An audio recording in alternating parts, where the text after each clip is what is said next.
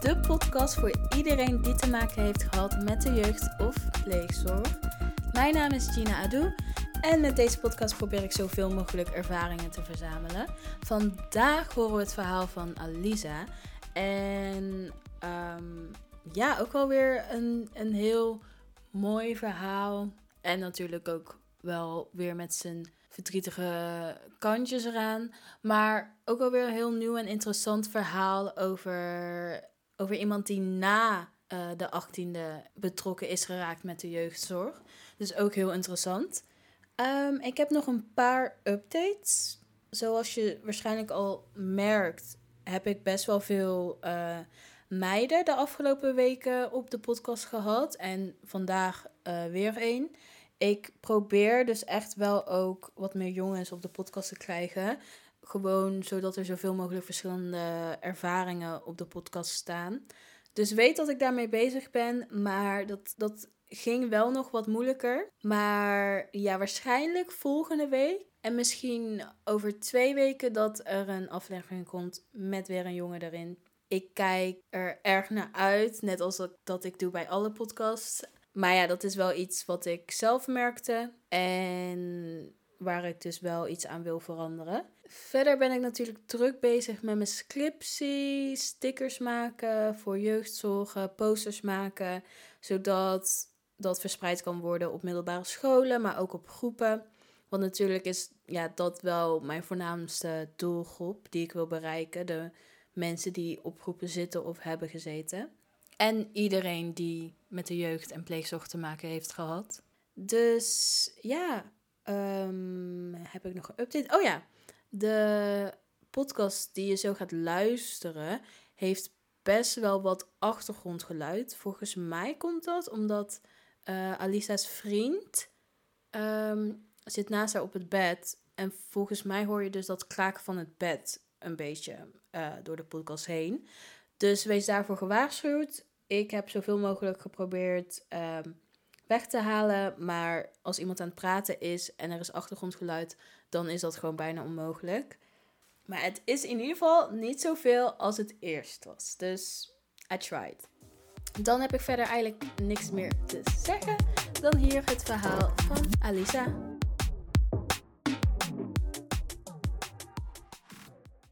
Welkom Alisa. Um, is dat trouwens hoe je je naam goed uitspreekt? Ja, klopt. Oké, okay, hi, welkom. Um, zou jij jezelf uh, willen voorstellen? Ja, uh, mijn naam is Alisa. Ik ben 21 jaar oud en uh, ik woon in Groningen bij mijn ouders. En ik heb een hele leuke vriend waar ik bijna een jaar samen mee ben. Oh, mijn hobby's, ja, thanks. mijn hobby's zijn voornamelijk heel veel tekenen. Uh, ik hou heel erg van, van tekenen. Daar kan ik heel goed mijn gevoel op uit. Dus wat ik eigenlijk mm. voel, dat teken ik eigenlijk heel goed. En hoe harder ik eigenlijk met het potlood op het papier, hoe gevoeliger ik eigenlijk ben.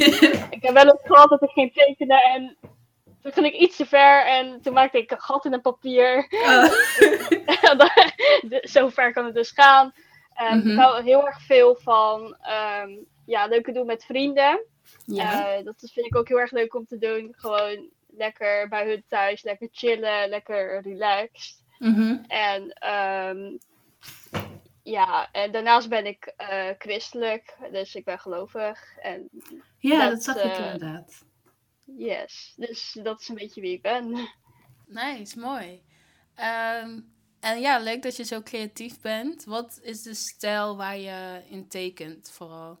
Um, ik hou heel erg veel van een beetje manga slash kawaii tekenen. Dus een beetje ah. de cute kantkop, zeg maar. Een beetje, een beetje, ja, gewoon karakters maken met grote ogen, kleine mond en zo een beetje wat. Ja, leuk. En wil je daar later ook iets mee doen? Um, ja, ik denk het wel, maar ga gewoon eerst gewoon goed oefenen totdat ik het gewoon heel goed kan eigenlijk. Oké, leuk. En inderdaad, ik kwam jou namelijk tegen onder een post van een christelijke organisatie, volgens mij. Ja, um, ja Ja, dus um, hoe lang is God al in je leven? Ehm, God is eigenlijk al vanaf dat ik geboren ben wel in mijn leven eigenlijk. Alleen toen ik een baby was, ja, daar merk je natuurlijk niks van. Maar toen ik Mhm. wat, wat groter werd, eh, ging ik wel gewoon mee naar de kerk. En ging ik wel gewoon wel een beetje ontdekken wie hij was. Ehm, maar ja, toen kende ik God niet, alleen hij was er wel. En toen ik Mhm. wat ouder was, wou ik gewoon ontdekken wie is God en wat wil hij eigenlijk van me en wat is het doel wat hij voor ogen heeft. Ja, en eigenlijk op mijn vijftiende heb ik toen beleidenis gedaan en toen ben ik eh, mezelf, toen heb ik mezelf ondergedompeld eh, in het water en gewoon echt Mhm. gekozen voor, voor hem om hem, te kunnen volgen. Want Eh. beleidenis, is dat een doping?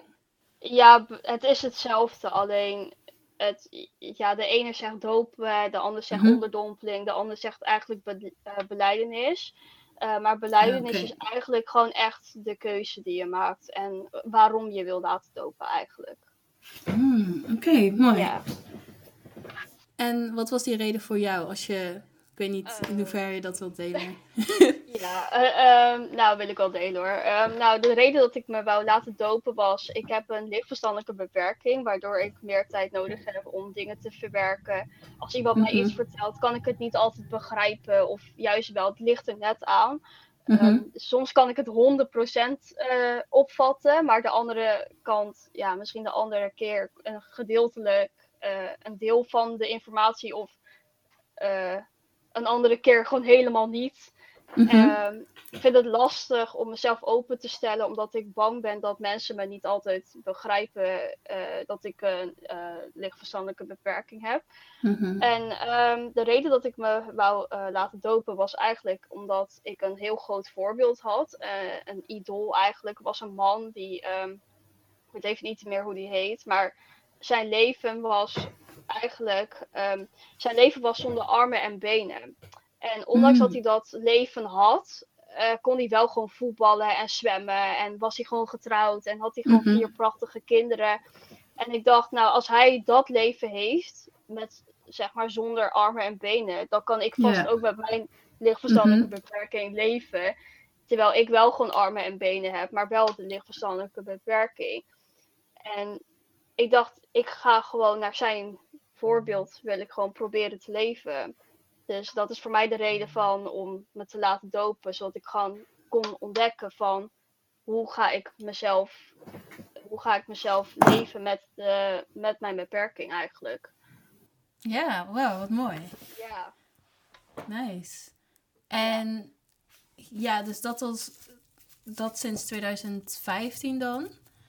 Ehm, Eh, ja. Ja, ja, eigenlijk je hele leven, maar die beleidenis vanaf, eh, die had je in 2015. En ehm, ja, is er nog meer wat je zou willen delen? Eh, qua wat? Gewoon echt gewoon. Ja, qua jezelf, over, je, over jezelf Oeh. inderdaad. Ehm, ja, nou, eh, de lichtverstandelijke beperking is niet zomaar Mhm. iets eigenlijk. Want ja, je kunt verschillende vormen hebben. Eh, wat mijn vorm is, eh, ik heb een zeldzame chromosoomafwijking, waardoor ik, ehm, ja, ehm, nou, je hebt gewoon eigenlijk in het lichaam heb je eigenlijk gewoon chromosomen. En bij mij is het geval dat chromosoom 4 en 8, dat er gewoon een stukje daarvan is gewisseld. En Mhm. waardoor de DNA gewoon een soort van ja, anders is dan bij een normaal mens die gewoon zoveel ja, eh, f- eh, 22 chromosomen heeft. en waar het gewoon eigenlijk balanceerd is. Maar bij mij is Mhm. het dus een beetje anders gegaan toen eh, bij mijn moeder, bij mijn moeders eh, zwangerschap. Hm. En eh, dat is eh, vastgesteld toen ik eh, ongeveer, ik denk eh, drie jaar oud was, denk ik. Mhm. Ja, ja. Dus eh, er zijn drie in Nederland die het hebben. Dus Oh, het is erg zeldzaam. Ja. En eh, ik ben daar één van, dus van die drie. en eh, ja, ik heb mezelf ook een goede benoeming gegeven. de Limit Edition, omdat het natuurlijk zeldzaam is. En nu wil ik eigenlijk met die beperking die ik eigenlijk met me meedraag, is het eigenlijk ook wel iets moois. Ehm, en wil ik eigenlijk gewoon mensen vertellen hoe het is om, een, om dat te hebben en hoe ik eigenlijk ermee leef en hoe ik ermee omga. En dat, dat mensen eigenlijk ja, ook al wat ze ook hebben, autisme of ADHD of, of een andere vorm van een beperking, dat ze het juist moeten zien van niet als een ziekte, maar als een, ja, als Mhm. gewoon een dankbaarheid, weet je wel. En dat ze er eigenlijk gewoon niet moeten denken van, ja, ik heb dit, ik kan niks, maar je kan, hoe ik het heb ervaren, je kan zoveel bereiken, ook al heb je dat. En je moet echt niet, voor mijn ervaring moet je ook Mhm. niet denken van, het is, het is gewoon niks, het stelt niks voor. En niet die gedachten hebben, ik kan er niks mee, ik ga het toch, ik ga het toch nooit bereiken. Maar je moet gewoon juist, je moet er juist gebruik van maken. En dat heb ik ook gedaan. Ik wil dat echt de mensen meegeven die ook gewoon autistisch zijn of ADHD Mhm. of, of ook een lichtverstandelijke beperking hebben, wat dan ook. Dat ze juist moeten denken van, ik kan dit ook behalen. Alleen het kost misschien wat meer moeite en wat meer tijd. Maar ik weet zeker de mensen die hier ook mee struggelen, dat ze het echt wel gaan halen waar ze heen willen. Ja, oeh, dat is echt een heel leuk en top idee. Ja. Je zei inderdaad ook dat je inderdaad ook content wil gaan maken. Ja. Ehm, je hebt in ieder geval een super fijne stem. Dus als je ooit een podcast of iets dergelijks, Ja. een TikTok-account, iets zo, dan eh, ja, zou dat echt top zijn. En ook een heel mooi idee erachter. Ja. Ehm, hoe kwamen ze er op je derde achter dat je dat had? hoe is dat Ehm, gestart? nou, ja, dat is eigenlijk een hele goede vraag. Ehm, moet ik even nadenken. Ja, ik ben 21, dan moet ik even terug in de tijd. Ehm, nou, het begon eigenlijk dat mijn ouders eigenlijk aan mij zagen op zo'n jonge leeftijd dat ik eigenlijk die ontwikkeling niet had. Want als je jong Hmm. bent, een baby, dan kan je al heel Mhm. snel lopen en kruipen en praten. En dat zagen mijn ouders bij mij niet. En ja, toen gingen ze wel een beetje zorgen maken van ja, dat kind van ons moet wel een keer kunnen praten, kunnen lopen, gewoon die dingen kunnen doen, weet je wel. En eh, op een duur dachten ze ja, dat kind van ons moet gewoon naar het UMCG eh, ziekenhuis in Groningen om te onderzoeken Mhm. wat er dan met haar aan de hand is. Dus ze hebben mijn eigenlijk mijn hele lichaam eigenlijk eh, doorzocht. Mhm. En ehm, ja, ze konden daarin konden ze niks vinden. En eh, dus mijn hart hebben ze gekeken, mijn longen, mijn hersenen, echt alles. Maar ze konden niks, Ja. ja. ze konden echt niks vinden. Totdat ze zagen, ja, die chromosomen van eh, jullie kind, dat klopt niet. En toen hebben ze dat geconstateerd. Maar Mm. ja, Oké. zo zijn ze daar eh, achter gekomen eigenlijk. Ja. Oh, Ja. dat is op zich wel in een, aan de ene kant misschien al fijn dat het zo ehm, vroeg ehm, hadden gevonden. Zeker omdat het super zeldzaam is. Ja, Dus eh, ja, dat is fijn. En ik heb eigenlijk ook nog een vraagje over je. Maar dat gaat dan eigenlijk weer over iets anders. Over Groningen. Want ja, nee, stel maar. Ehm, ja, hoe is dat daar? Ik ben daar eh, nog niet zo vaak geweest, omdat het echt heel slecht te bereiken is. Ehm, Eh, het, dus... is, het, is heel, het is heel gewoontjes. Het is Oh. ik dacht Nou, echt van, oh, zulke mooie natuur of zo. Nee, Groningen is. Ja, het is wel oké, maar het, het is gewoon heel gewoontjes. En mensen hebben een bepaald beeld over je als je. Ja, weet je, ik, ik ben in steden geweest dat je gewoon Uh-huh. lekker felle kleuren. Dat je gewoon lekker in felle kleuren kan lopen. En Mhm. cargo broeken met oversized hoodies. En dat dat gewoon in de mode was. Maar als je daar in Groningen loopt, dat dat gewoon. Gewoon raar is als je, dat je gewoon voor gek loopt dat je dat aan hebt. Ja. Oh, oké. Jammer. Dan blijf ik eh, nog wel even aan deze kant eh, van Nederland. Maar het is op zich, ik zeg niet dat het heel een rotstad is, maar het is Mhm. gewoon gewoontjes. Er, er, er gebeurt niet veel of zo. Als ik het zou vergelijken met Amsterdam of met Utrecht, dan zou daar gewoon veel leuker, Ja, veel meer, veel meer leven, zeg maar, zijn dan in Groningen. oké. Ja. Nice. Ja, en nogmaals super echt wat je wilt doen. En ehm, ja. als je een idee hebt of al een concept of een account eh, waar mensen al naartoe kunnen gaan, dan eh, zet ik dat in de bio. En dat kan achteraf natuurlijk ook.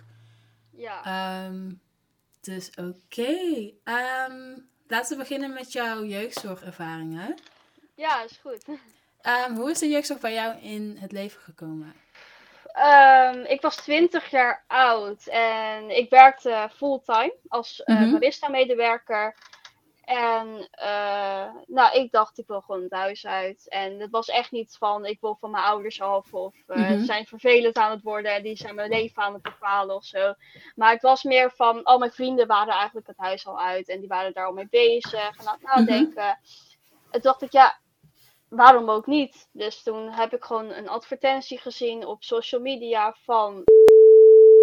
Ja. En toen was het echt helemaal ja, nieuw, zeg maar. Het was net, net, zeg maar. Het was niet jaren of zo. Het was gewoon net. En ze hadden een nieuw pand geopend. Mhm. En eh, dat vond ik heel interessant. Dus toen heb ik daar gewoon met mijn ouders over eh, gepraat. Van, nou, het ziet er wel goed uit. Ik wil daar echt heel graag heen. Dus ehm, ik dacht, ik ga het gewoon doen. En eh stonden helemaal achter van, nou, is goed. Misschien ben je er ook wel aan toe. Een beetje je eigen leven, een beetje je eigen ontdekken. Dus eh me aangemeld, intake gehad en vertellen waarom ik daar dus wou wonen. En eh, nou, toen al heel snel zei ze, je mag erin. Eh, ook door natuurlijk met de gemeente natuurlijk dingen regelen. Mhm. Ik al heel vrij snel mocht ik daarheen, sleutel ophalen en kamer kiezen. En het is eigenlijk een soort van, ja, woongroep kan ik niet zeggen, maar het is een soort van trainingshuis waar je leert zelfstandig wonen. Ah ja, ik wilde het net vragen dus als je- inderdaad. Ja, ja, dus als je zeg maar moeite hebt om nog ja, zelfstandig te worden, dan kun je daar dus hulp bij krijgen. Dus het is niet echt Mhm. een woongroep waar je hele dag zorg bij, eh, waar je niet 24-7 zorg eh, hebt. Mhm. Maar het is meer van, je moet eigenlijk de hele dag, heb je gewoon je daginvulling, zoals werk, school of eh, dagbesteding. Mhm. En eigenlijk op het moment dat je daarvan thuis komt, moet je wel gewoon voor je eigen eten zorgen, je eigen boodschappen doen en jezelf redden Mhm. ja, en één keer in de week had ik dan een begeleidingsmoment, een, een vaste begeleider. En eh, ik zat eigenlijk daar gewoon goed op mijn plek, eigenlijk. En het ging Mhm. ook eigenlijk heel erg goed. Ik ging gewoon eh, naar mijn werk toe en eh, deed gewoon mijn dingetje. Gewoon lekker boodschappen doen, lekker koken. En Mhm. eh, ik zat daar wel gewoon goed op mijn plek. Voelde me ook gewoon goed. En eh, lekker alleen, lekker terugtrekken. Ja, totdat die ene klap eh, vorig jaar december kwam. Eigenlijk. Oké, wat was er toen gebeurd? Nou, eigenlijk, nou, vorig jaar was wel echt de druppel. Mhm. Eh, maar in 2023 heb ik het niet makkelijk gehad. Want in de tijd dat ik daar woonde, eh, eh, ben ik mijn baan kwijtgeraakt door mijn gezondheid. Mhm. Ik had een vaste begeleidster eigenlijk, dat ehm, eigenlijk echt mijn allergrootste vriendin was. En op een avond eh, zei de hoofdbegeleiding van, ja, je moet even naar beneden komen. Ik zei, is goed. En ze zei, ja, ze gaat ermee stoppen. En Ah, ja, dat vond ik natuurlijk heel erg stom. Ik dacht, ja, vanaf begin af aan ben je al in mijn traject. En nu ga jij weg, zeg maar, zonder dat ik het al gezond Sorry. zonder dat je vertelt van waarom je weggaat. Het was ook gewoon van, ze nam geen afscheid van mij. Het was Oh. gewoon, ze was weg. Ze was gewoon weg. Gewoon, Oh, ze was al weg toen. ze was al weg. En Oh, wauw. Hm. eh, zonder afscheid te nemen. Toen kreeg ik een andere begeleider. En ja, die was, het was prima hoor. Maar ik had toch liever haar Ja. natuurlijk gehouden. En eh, dus dat was voor mij een hele grote verandering in mijn hele leven. Ook op de woongroep had dat wel een groot effect. En Mhm. eh, ik had natuurlijk ook geen werk. Dus ik moest ook eh, eigenlijk kijken wat ga ik dan doen. En nou, door mijn gezondheid kon ik ook niet werken. En toen moest ik naar dagbesteding. En dat Mhm. was totaal niet in mijn plaatje eigenlijk. Dat was voor mij te easy en te eenvoudig. Want wat was Eh, dagbesteding daar? Eh, de dagbesteding was eh, eigenlijk een soort van vrijwilligerswerk waarmee, waarbij je eigenlijk met jongeren opgeschreven zit die eigenlijk nog Mhm. ergere problemen hadden. Eh, want we hadden twee locaties. Eén waarvan echt een woongroep was, die eigenlijk de hele dag zorg nodig heeft. En de locatie waar ik dus heb gewoond. Ehm, ja, en die vertelde eigenlijk de hele dag door over hun problemen. Dus dat gaf mij ook echt, echt heel veel stress. Ja, daarnaast- lijkt me niet En geschreven. Ja, ja, en het werk was gewoon te makkelijk. Ik dacht, ik kom eigenlijk uit een werkplek waar ik eigenlijk heel veel uitdaging deed, heel veel. En dan ga ik eigenlijk die Ja. overgang van heel veel naar echt heel weinig.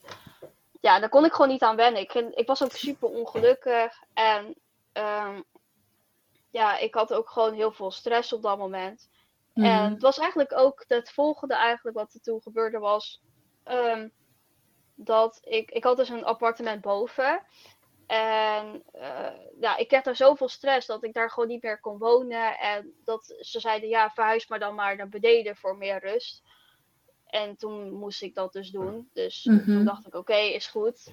En eh, nou, toen beneden wonen, toen dacht ik, oké, het is wel prima. Maar daar, daar ging het ook gewoon echt helemaal fout. Maar ik deed ook Mhm. echt dingen waarvan je denkt, ja, waarom doet ze dat, weet je wel? Ehm, ik voelde me op een duur ook gewoon echt niet meer veilig daar en niet meer vertrouwd. En het was gewoon, ze, ze hadden een soort van gedrag eigenlijk, vanuit mijn ervaring, een soort van sturend gedrag van, dit is ons huis. Je hebt deze regels, Mhm. hou eraan. Je eigen ding Mhm. bestaat blijkbaar niet meer. Dus Nee. dat is een beetje mijn ervaring met woongroep slash jeugdzorg. Mhm. Ehm, als ik dagen had dat ik echt mij niet lekker voelde, wou ik echt naar mijn vader en moeder. Eh, Ja. Omdat dat gewoon een vertrouwd en veilig omgeving was. Maar ik mocht daar dus niet heen van de begeleiding. Of als ik naar mijn Mhm. vriend wou, dan mocht dat ook niet. En mocht ik hem maar twee keer in de week zien. En vrienden die mochten niet meer aan de vloer komen, omdat hun dachten, ja, Alisa krijgt daar stress van. Terwijl ik eigenlijk Mhm. dacht, nee, dat zijn plekken waar ik juist tot rust kom. Ja. Waar je luister door oplaat. Ja, precies. Waar ik gewoon, ja, waar, waar ik gewoon even kan ontprikkelen. Zo noem ik dat dan. Mhm. En ehm, eigenlijk de druppel waar het echt gewoon fout is gegaan was. ehm, nou, dat ga ik even openstellen eh, Mhm. voor de podcast. Eh, ik heb een heel groot fobie voor hele harde geluiden en eh, knallen. Dus ballonnen, confettipoepers, vuurwerk, noem maar op. Ah, dus die klap van daarnet was eigenlijk ook niet zo fijn. Nee, dat, dat, kan- dat kan wel. Dat kan Oh, wel. Maar als ik echt, als, als je zeg maar in het echt hier was en je stond voor mijn neus en je stond Oh, dan, oeps, sorry. Ja. Bijvoorbeeld... Nee, die klap was wel oké. Nee, echt, echt hele heftige harde geluiden. Dus, eh, maar Mhm. een klap, dat is wel oké.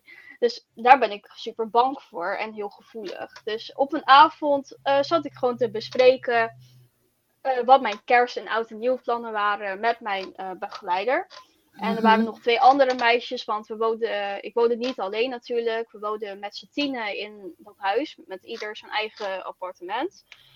Ehm, ja, en toen zei ze, Waar, waarom ben je daar eigenlijk bang voor? En wat is een fobie? En toen dacht ik van, Mm. als begeleider moet je toch wel weten wat dat is. Daar heb ik toch voor gestudeerd. Ik dacht, maar, maar goed, dus die twee meisjes, die, die redden naar boven eigenlijk. En die hadden Mhm. ballonnen op. En ik had Mm. toen net verteld dat ik daar dus bang voor was. En toen dacht ik van, je doet het gewoon expres. Gewoon om mij te treiteren en te pesten, weet je wel. En toen zei de begeleiding, die greep ook niet in. Van, jullie moeten ophouden, dit, dit kan Mhm. niet, je gaat te ver. De Mhm. begeleiding die heeft mij uitgelachen en die hebben gewoon gezegd, het is maar een ballon. Het is maar een ballon. Ik dacht, nu ga je Ja. gewoon te ver. Ja, precies.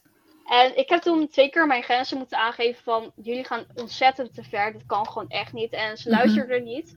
Ik ben toen gerend naar, eh, naar mijn kamer, omdat ik gewoon super bang was op dat moment. Mhm. ik, eh, ik stond echt stijf van de spanning. Ik was aan het hyperventileren. Ik was super Mhm. hard aan het zweten en ik had gewoon een paniekaanval.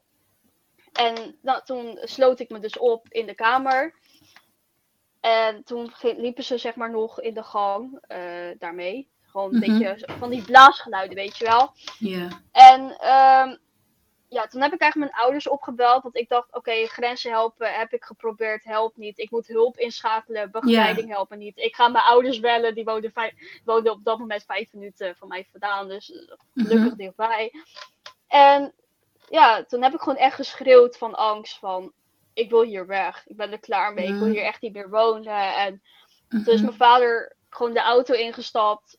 En die heeft gewoon gezegd, wat hun hebben gedaan is gewoon treiteren, weet je wel. Dat kan gewoon echt niet. Ja, precies. En jullie grijpen niet in op de situatie en jullie lachen haar uit. En jullie zeggen, het is maar een ballon, het is maar, wat is een fobie? En dat moet je wel, dat moet je toch wel kunnen weten. Zeker als je met dat soort jongeren werkt, hoor je dat gewoon te weten. Mhm. en, zelfs... Ehm, ja, zeg maar. Oh, nee, sorry. Uh, nee, zeg maar. en zelfs inderdaad, als je een fobie niet begrijpt, je begrijpt wel dat het een heel erg angstig iets is. Dus ook al snap je die angst niet, kan je wel empathisch zijn. En ervoor zorgen dat die iemand zulke geluiden niet hoort als hij net heeft verteld uh, hoe vervelend hij dat vindt. Ja, nee, maar dan kan je in plaats van dat soort dingen zeggen, kun je toch ook gewoon zeggen als begeleider van waar komt het al vandaan en waarom ben je er zo bang voor. En gewoon het begrip tonen, weet je wel, gewoon mhm. inleven in dat moment in de situatie. Maar dat hebben ze dus niet gedaan. En ja, toen heb ik gewoon echt gehuild en geschreeuwd tegen de begeleiding van rot alsjeblieft op, ik hoef jullie echt niet meer te zien. Mhm. En eigenlijk op dat moment heb ik, ben ik toen meegegaan met mijn ouders. Ik heb toen wat spullen ingepakt. En eigenlijk toen ik daar in het weekend was bij mijn ouders, toen dacht ik van, dit is een zoveel betere plek dan de woongroep. En toen heb ik ook mhm. die zondagavond gezegd, ik ga terug. Het was gewoon een noodzaak, zeg maar. Het was geen keuze. Ik dacht, ik moet wel. Want als ik daar blijf wonen, wordt het alleen maar erger. En um, ja, eigenlijk dat. En toen hebben ze gezegd, ja, is goed. En toen hebben we afgesproken dat uh, mijn ouders naar uh, de woongroep zouden gaan, zodat hun de spullen konden inpakken, mhm. want ik kon daar echt niet meer zijn. Nee, dat snap ik. En ja, en hun uh, gingen de spullen inpakken en alles verhuizen naar het huis van mijn ouders dus. Mhm. En ik ging dan alles uitpakken en alles inrichten, zodat ik dat gewoon rustig en gekalmeerd kon doen. Uh, dus eigenlijk is dat mijn uh, situatie met uh, jeugdzorg en uh, woongroep eigenlijk. Ja, want je bent dus nu 21, dus ja. Um, je woont nu weer terug. Ja. Um, hebben ze nog iets, is er nog een gesprek geweest of contact geweest daarna? Voordat ik, ja, voordat ik, um, voordat ik uh, voor dat hele incident, zeg maar, uh, voordat ik, uh, want ik had een evaluatiegesprek met, um, met de case manager, met mijn eigen begeleider, met de coördinator en met, mijn, met vier begeleiders. En mijn mhm. ouders en ik zaten er dan bij. En ja, eigenlijk ging dat eigenlijk ook niet echt bepaald goed, want we kwamen daar aan en het was afgesproken eigenlijk dan het gesprek was plaatsgevonden met de eigenaar natuurlijk van de woongroep, mijn eigen begeleider mhm. en de case manager en dan mijn ouders en ik. En toen was de coördinator en toen dacht ik van, ja, wat doet ze hier? Ze heeft hier niks te zoeken en het was niet mhm. afgesproken. En dan gaat ze tegen mijn moeder zeggen van, toen zei ze van, ja, ik heb het vanochtend besloten en ja, ik hoor er gewoon bij, want ik moet dat als coördinator. Ja, toen was mijn moeder gewoon echt aan het flippen op dat moment. Van ja, mhm. je kan niet zomaar gaan dingen gaan beslissen zonder dat te hebben overlegd met, met iedereen, zeg maar. Je kan dat niet alleen voor jezelf gaan beslissen. Maar goed, het gesprek moest. Ik kon er ook niet onderuit. En ik heb wel mhm. echt gewoon goed mijn boze, boosheid kunnen tonen. Ik vond het ook lastig, maar ik heb het wel gedaan. Ik heb toen een brief gemaakt uh, waarin ik vertelde hoe ik mij heb gevoeld de afgelopen tijd en hoe mm hun mij hebben behandeld. En de laatste zin in die brief heb ik dus gezegd van um, dat, ik, dat ik dus over na zat te denken om terug te gaan naar mijn oudershuis. Mm En ze zeiden niet, het, was echt een af, het waren echt twee volle A4'tjes. En ik heb het echt vanuit mijn gevoel geschreven, hoe ik erover mm dacht, wat mijn mening erover is. En eigenlijk, toen ik die brief klaar had, uh, toen ik uitgelezen was, het enige wat ze toen hebben opgevat was: Oké, als jij terug naar je ouders wil, is goed. Als jij hier weg wil, is goed. Weet je wel? Wow, Geen begrip, nee, geen, geen begrip tonen, geen empathie, geen gevoel. Helemaal niks. Ik dacht van: Ik heb mijn best gedaan. Ja, ja precies. En ook heel, inderdaad, heel dapper geweest, inderdaad, om, om dat zo te tonen en te delen. Ja, ja. Vind ik. Ja, echt vervelend, want eerst gaan, gaat al je normale steun weg, weet je wel, ook met je, de kamer waar je in zit. Ja. En dan wordt er steeds over je grenzen heen gegaan. Ja. Ja. En die begeleiding ehm, die er die avond was, was die nieuw of eh, waren die er al een tijdje? Nee, die werkte daar. het was wel gewoon. Het was niet van: oké, ik ben een begeleider, ik ben nieuw, ik heb geen idee hoe ik moet ingrijpen, Mhm. of geen idee hoe ik met deze mensen moet werken. Het waren wel gewoon ervarend, zeg maar. Gewoon wel Mhm. begeleiders, zeg maar, die er wel Ja, die heel lang werkte. voor hebben gestudeerd, laat ik het zo zeggen. Mhm. Ja, Ja, echt vervelend inderdaad. En hoe, ja. hoe voel je je nu dan? Want je wilde eigenlijk dus Ehm. inderdaad juist eh, wat meer zelfstandigheid. ja. Hoe is dat nu, hoe je, nu je bij je ouders weer woont? Eh, ik woon nu sinds drie maanden bij mijn ouders, want een week voor kerst ben ik daar dus heen gegaan. Maar Mhm. het was natuurlijk nog niet echt officieel en geregeld, maar het was meer om daar even uit te rusten. En Mhm. het hielp me wel. Ik was, toen ik bij mijn ouders was, gewoon de eerste, eerste paar weken en dagen waren voor mij heel erg zwaar. Omdat ik dacht, ja, wat doe ik hier eigenlijk? En Mhm. Ehm, ik had ook gewoon echt heel veel last van eh, nachtmerries en eh, flashbacks. Dat ik echt eh, terug in dat ene moment ging dat die erge dingen allemaal zijn gebeurd. Mhm. En dat ik er gewoon echt aan het janken was en heel veel pijn had. En dat ze gewoon niet mij hebben geholpen. Gewoon helemaal niks, weet je wel. Gewoon, ja, gewoon niks. Eh, ook het moment dat dat incident gebeurde, zeiden ze ook van. Tegen mijn ouders zeiden ze, dat kunnen ze niet zeggen tegen een meisje die op dat moment helemaal aan het zweten is, aan het hyperventileren, die een paniekaanval heeft. Dan kun je niet zomaar zeggen, ga maar kalmeren. Ik dacht, Mhm. het heeft me echt zoveel, zoveel verdriet en zoveel pijn gedaan van, dat kun je gewoon niet zeggen. Nee. gewoon, Eh, sorry, ja. je viel echt net stil op het moment dat je wilde zeggen wat ze tegen je zeiden. Misschien Oh. heeft de mic hem wel opgevangen, maar ik in ieder geval niet. Dus wat hadden ze tegen je gezegd? Eh, nou, op het moment dat het incident zeg maar net voorbij was en iedereen Mhm. ging zijn eigen gang, eh, toen zei de begeleiding van ga maar kalmeren. Ga maar even tijd voor jezelf voor, eh, nemen. Mhm. Ik dacht, ik weet niet wat je zegt, maar dat gaat niet helpen tegen een meisje van 21 die al helemaal er doorheen zit. Mhm. Die er zowat half depressief daar zat. Ja. En ik dacht, dat, dat gaat me niet helpen, oprecht. En mijn ouders die, die hebben ook gewoon echt moeten besluiten van... jij gaat gewoon terug naar huis. Want het Mhm. ging gewoon echt niet goed met mij. Op dat moment dat al die dingen bij elkaar eh, gebeurden... eh, was ik gewoon helemaal aan het gek aan het worden van mezelf. Met het feit, ik sliep niet en ik had niks meer. Ik dronk niks meer.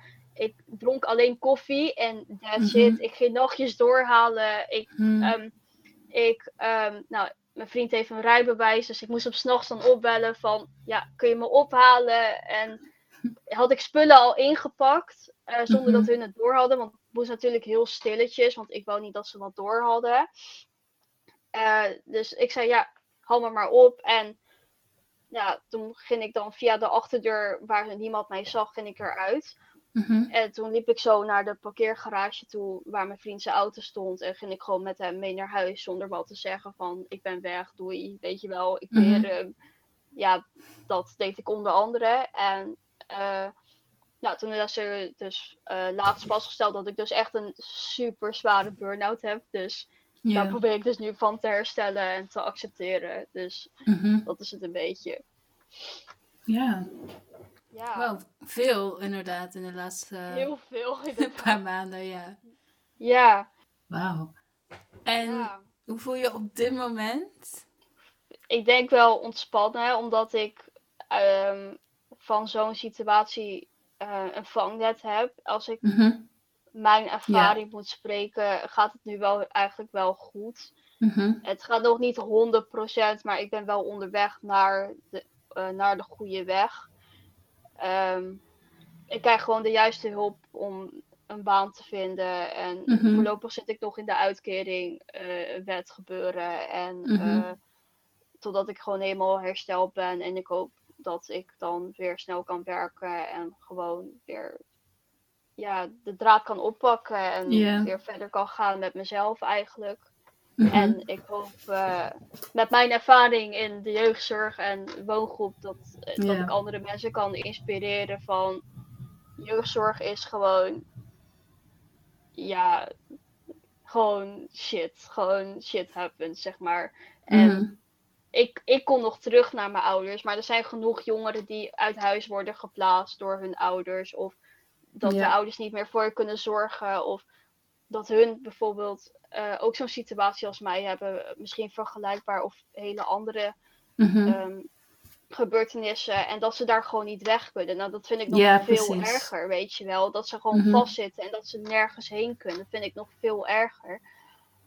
Ehm, ja, maar ik, ik hoop gewoon met mijn ervaring, de mensen die ze dan hebben, misschien hebben ze wel niemand, maar ik hoop dat ze Mhm. dan al zichzelf kunnen helpen van, ja, het is misschien stom, maar Ja. ze moeten ook gewoon, ja, hoe stom plekken het ook is, dat ze ook misschien dankbaar moeten zijn met zo'n wooninstelling, dat er juist mensen zijn die ervoor kunnen zijn. Ook al is jeugdzorg niet altijd, ja, is er niet altijd voor jou. Zorg gewoon dat je, zelf, dat je jezelf hebt en doe het er daar maar mee, hoe stom het ook klinkt. Het kan al wel helpen, want ik heb Ja. anderhalf jaar Ja. bijna wel alles alleen moeten doen. Mhm. Dus Ja, het helpt inderdaad als je inderdaad eh, de tools, de gereed, het gereedschap hebt om inderdaad Ja. er zelf aan te werken. Ehm, Ja. En tegelijkertijd, inderdaad, hopen we ook, juist doordat je deze dingen nu zegt, dat ook eh, leidinggevenden daarvan kunnen leren. Ehm, en weten hoe om te gaan met, met zulke situaties, inderdaad. ja. Ja. Ja, want het is inderdaad echt een thema dat je terugziet. Dat, ja, dat je je gewoon niet gehoord voelt. Of dat ze inderdaad ehm, eh, meer kijken naar regeltjes en dit en dat. En eh, dan wil ik natuurlijk ook zeggen dat niet iedereen zo is. Ehm, en het jammere is juist ook dat er ook juist goede mensen zijn. Nou ja, er zijn altijd goede mensen. Ik zie het goed in Ja. alle, iedereen. Maar dat mensen goede dingen proberen te doen. Maar door, you know, whatever er is, dat dat niet kunnen, er niet kunnen zijn voor de jongeren. En dat is gewoon jammer. En ja, hopelijk door inderdaad meer ervaringen te horen dat er eh, ehm, ja, wat meer, in ieder geval meer, weet dat, wat is dat woord? Gewoon een band of zo met elkaar of zo. Ja, in ieder geval een band ook inderdaad. En ook gewoon meer helderheid is over... Oké, wat, wat speelt er allemaal om in die jongeren? En ehm, Ja. hoe kunnen we het beste hun helpen? Ja, ik Maar- denk sowieso dat het wel belangrijk is als je, als je het werk gaat doen. Dat je niet zomaar denkt, oké, het is maar begeleider en ik zit Ja. maar, ik, ik ga maar wat doen. En, het, en ik zie wel hoe de jongeren daarop reageren. Mhm. Ehm, vanuit mijn ervaring zijn, zijn de meeste jongen heel, jongeren erg kwetsbaar en gevoelig. Ja. Eh, dus probeer daar ook gewoon iets meer, hoe stom het ook klinkt, gewoon wat inlevingsvermogen. Gewoon echt Mhm. gewoon kijken naar die jongeren van, hé, hey, wat is met je aan de hand? Gaat het wel goed? Eh, is het oké? Ehm, wat kan jou helpen dat je weer gaat kalmeren? Eh, kan je misschien even, even afleiding gaan zoeken of zo? En niet zomaar dingen eruit vloepen en ga er maar vanuit die, het, het kind gaat dat helpen, weet je wel. Ja, kalmeer maar. Ja, precies. Bijvoorbeeld vanuit mijn voorbeeld, eh, mijn gebeurtenis. eh, liefde, ik denk ook wel, liefde is wel heel erg belangrijk. Eh, ik heb dat ook Mhm. heel erg gemist in de woongroep. Ik denk, als je gewoon ergens mee zit, dat je dat gewoon kwijt moet. Gewoon, Mhm. maakt niet uit of ze bezig zijn of niet. En dat je maar niet in Ja. je kamer gaat zitten en je gaat jezelf maar zeg maar kijken of je er overheen kan helpen. Ik denk Mhm. dat soort mensen moeten er ook gewoon voor je zijn. En zowel letterlijk, maar ook gewoon figuurlijk. Ik vind gewoon, begeleiders moeten meer, meer knuffels geven aan die jongeren. En gewoon, ehm, gewoon een stappenplan maken van... hey, dit is er met jou gebeurd. Ehm, Mhm. Probeer even tot adem, probeer even adem te halen, even tot tien tellen. Wat helpt jou om weer even weer ja, je oké weer te voelen, zeg maar. Door met mij te praten of wil je even muziek luisteren of wil je gewoon ga je, of ga even een blokje om of zo, ik noem maar wat. Mhm. En ja, aandacht, dat is natuurlijk ook heel belangrijk. Ik Ja, denk, precies. als, als er geen, is er geen aandacht in dat soort eh, in, ja, in dit werk is dat jongeren niet verder kunnen komen dan waar ze heen willen. Mhm. Ja, Nice. Ja, mooie woorden vind ik dat. ja. Ja, en ik vind ook echt dat je eh, jouw doel om zeg maar ja, mensen eh, te kunnen helpen met de ervaringen die jij hebt gehad, dat gaat je sowieso echt lukken. Want je hebt een hele fijne manier om je emoties zeg maar zo te vertellen, wat je voelde en wat jou dan zou hebben geholpen. Dus ik kijk al uit naar jouw eh, content. Ja, nou, ik ben al wel bezig met content hoor. Ik Mhm. heb eh, gewoon een TikTok-account waarbij mijn naam eh The Limit Edition Christian heet. Dus dat is mijn eh, account, mijn Mhm. naam. Ik heb al wel een voorstel wie ik ben en wat voor content ik wil maken. Nice. ja, ik maak ook gewoon normale video's zoals dansjes en weet ik veel wat. Gewoon ook Mhm. gewoon die leuke video's. Niet alleen mijn, ik ben dat meisje die in een woongroep heeft gewoond en Mhm. Ik ben er depressief uitgekomen. dat ook niet. Mhm. Maar ook gewoon die leuke kant van je laten zien. Niet alleen Ja. ik heb dat en dat meegemaakt en ik wil even laten zien hoe heftig het was of zo. Mhm. Ik heb bijvoorbeeld die trend wat op TikTok gaat van je hebt me beschadigd. Bijvoorbeeld dat heb ik ook bijvoorbeeld gewoon gedeeld op mijn content. Gewoon, Ja, Dat dat is zo'n een liedje, toch? ja, gewoon dat ik een foto heb dat ik gewoon heel depressief kijk. En dan die foto van dat gesticht zo ernaast gezet van Ja. niet hierheen gaan als je erheen wil gaan. mijn voorbeeld. En ik hoop gewoon ooit een hele video te maken met gewoon echt mijn verhaal, zeg maar. Van Mhm. heb ik ervaren. Ja. En als je moet, dan moet je. Maar als je nog zeg maar uit een veilig thuisvond komt, maak er Mhm. gebruik van om daar zo lang mogelijk te blijven. Want ja, dat is gewoon het beste. Ja, want heb jij nog plannen om ehm, ooit nog hulp te vragen naar die zelfstandigheid? Of hoe- ziet dat eruit in de toekomst? Ik denk, ja, ik kan al wel redelijk veel zelf. Ik denk dat Mhm. ik er gewoon heen ben gegaan om gewoon echt te groeien Ja. en te laten zien. eh, eh, ja, ik denk ehm, heel veel jongeren die gewoon last hebben van hun beperking, dat ze zeggen, zoals ik zei, die onzekerheid van ik ga dat nooit kunnen bereiken. Ik kan dat niet, het is me te veel, ehm, dat wordt te lastig. Maar ik heb ook met mijn lichtverstandelijke beperking toch laten zien dat ik het wel kan. Zoals ik heb gewoon Mhm. bij een normale werkgever gewerkt met wat aanpassingen. Ik heb gewoon twee studies Mhm. binnen. En ik heb dus in een woongroep gewoond. en ehm, zelfstandigheid. Ik weet wel zeker dat ik heb ook vrienden hoor, die ook eh, een, een lichtverstandelijke beperking hebben. En die zijn ook super onzeker met. Gaat me toch niet lukken? Wat heeft het voor zin? Mm. Ik eh, zit wel op mijn plekje zo, maar ik heb tegen ze gezegd: vertrouw gewoon alsjeblieft op jezelf en doe het gewoon. Want je hebt maar Mooi. één leven en maak er gewoon gebruik van om gewoon te werken waar je heen wil. Ja, nee, nice, inderdaad. En ehm, zulke dingen moeten er ook meer komen, vind ik, qua werk. Dat er Ja. meer opties zijn. Ehm, ja, weet je wel, dat je, dat je dingen aanpast, dat je niet één bepaalde groep inderdaad uitnodigt. Ehm, en dan ben ik ook benieuwd naar wat voor aanpassingen waren er nodig. Want je deed horecawerk, zei je? Eh, ja, ik, ehm, ik werkte bij de McDonald's. Ehm dat was ongeveer 15 minuten van, 5 minuten van mij vandaan toen ik nog in de woongroep woonde. En 15 Mhm. minuten toen bij mijn ouders woonde daarvoor. Ehm, de aanpassingen waren eigenlijk toen ik vertelde aan mijn leidinggevende van ja, ik moet echt wel bespreken, het zit me echt dwars en ik wil gewoon dat je het weet. Eh, Mhm. om mijn werk comfortabel te kunnen maken. En toen zei ik, nou Ja. wat dan? Eh, vertel maar, weet je wel. En ehm, ik zei, ja, ik heb een lichtverstandelijke beperking en daardoor heb ik gewoon meer tijd nodig om dingen te kunnen verwerken.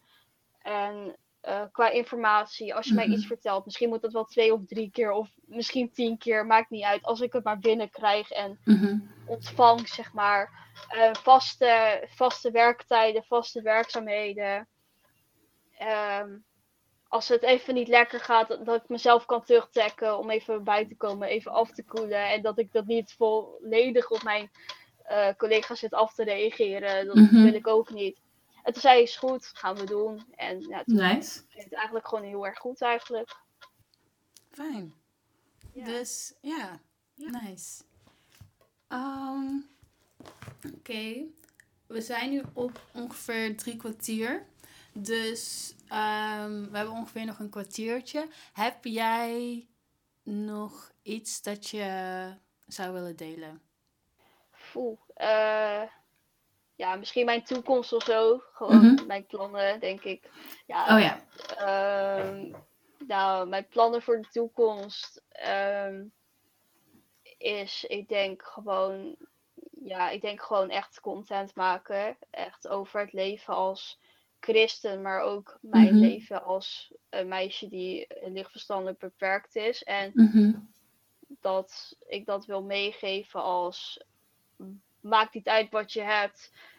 Je, je komt er wel, Ja. maar je hebt gewoon wat meer tijd nodig. En dat is misschien heel lastig om te accepteren, maar je, je komt er echt wel. Ik heb ook dingen, ik, Mhm. ik wou ook heel graag dingen, maar ik heb er ook langer over moeten doen voordat ik er was.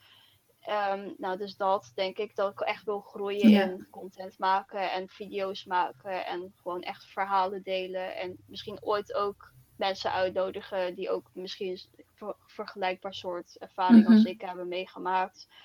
Ehm, nou, ehm, ik denk, poeh, ik denk, ik hoop dit jaar eh, of volgend jaar eh, te gaan trouwen. Oh, nice. Oh, ja. Dus eh, ik ben, in 12 januari ben ik eh, verloofd. Oh, Ehm, gefeliciteerd. dank je. Dus ik hoop dat we daar een beetje, een beetje mee bezig kunnen gaan. Dat er Mhm. een soort van ook eh, positiviteit is. En gewoon vooruit kunnen denken. En dit een beetje achter mij kunnen laten. Maar ja, het is wel gebeurd. Maar het leven gaat gewoon door. Staat Ja, precies.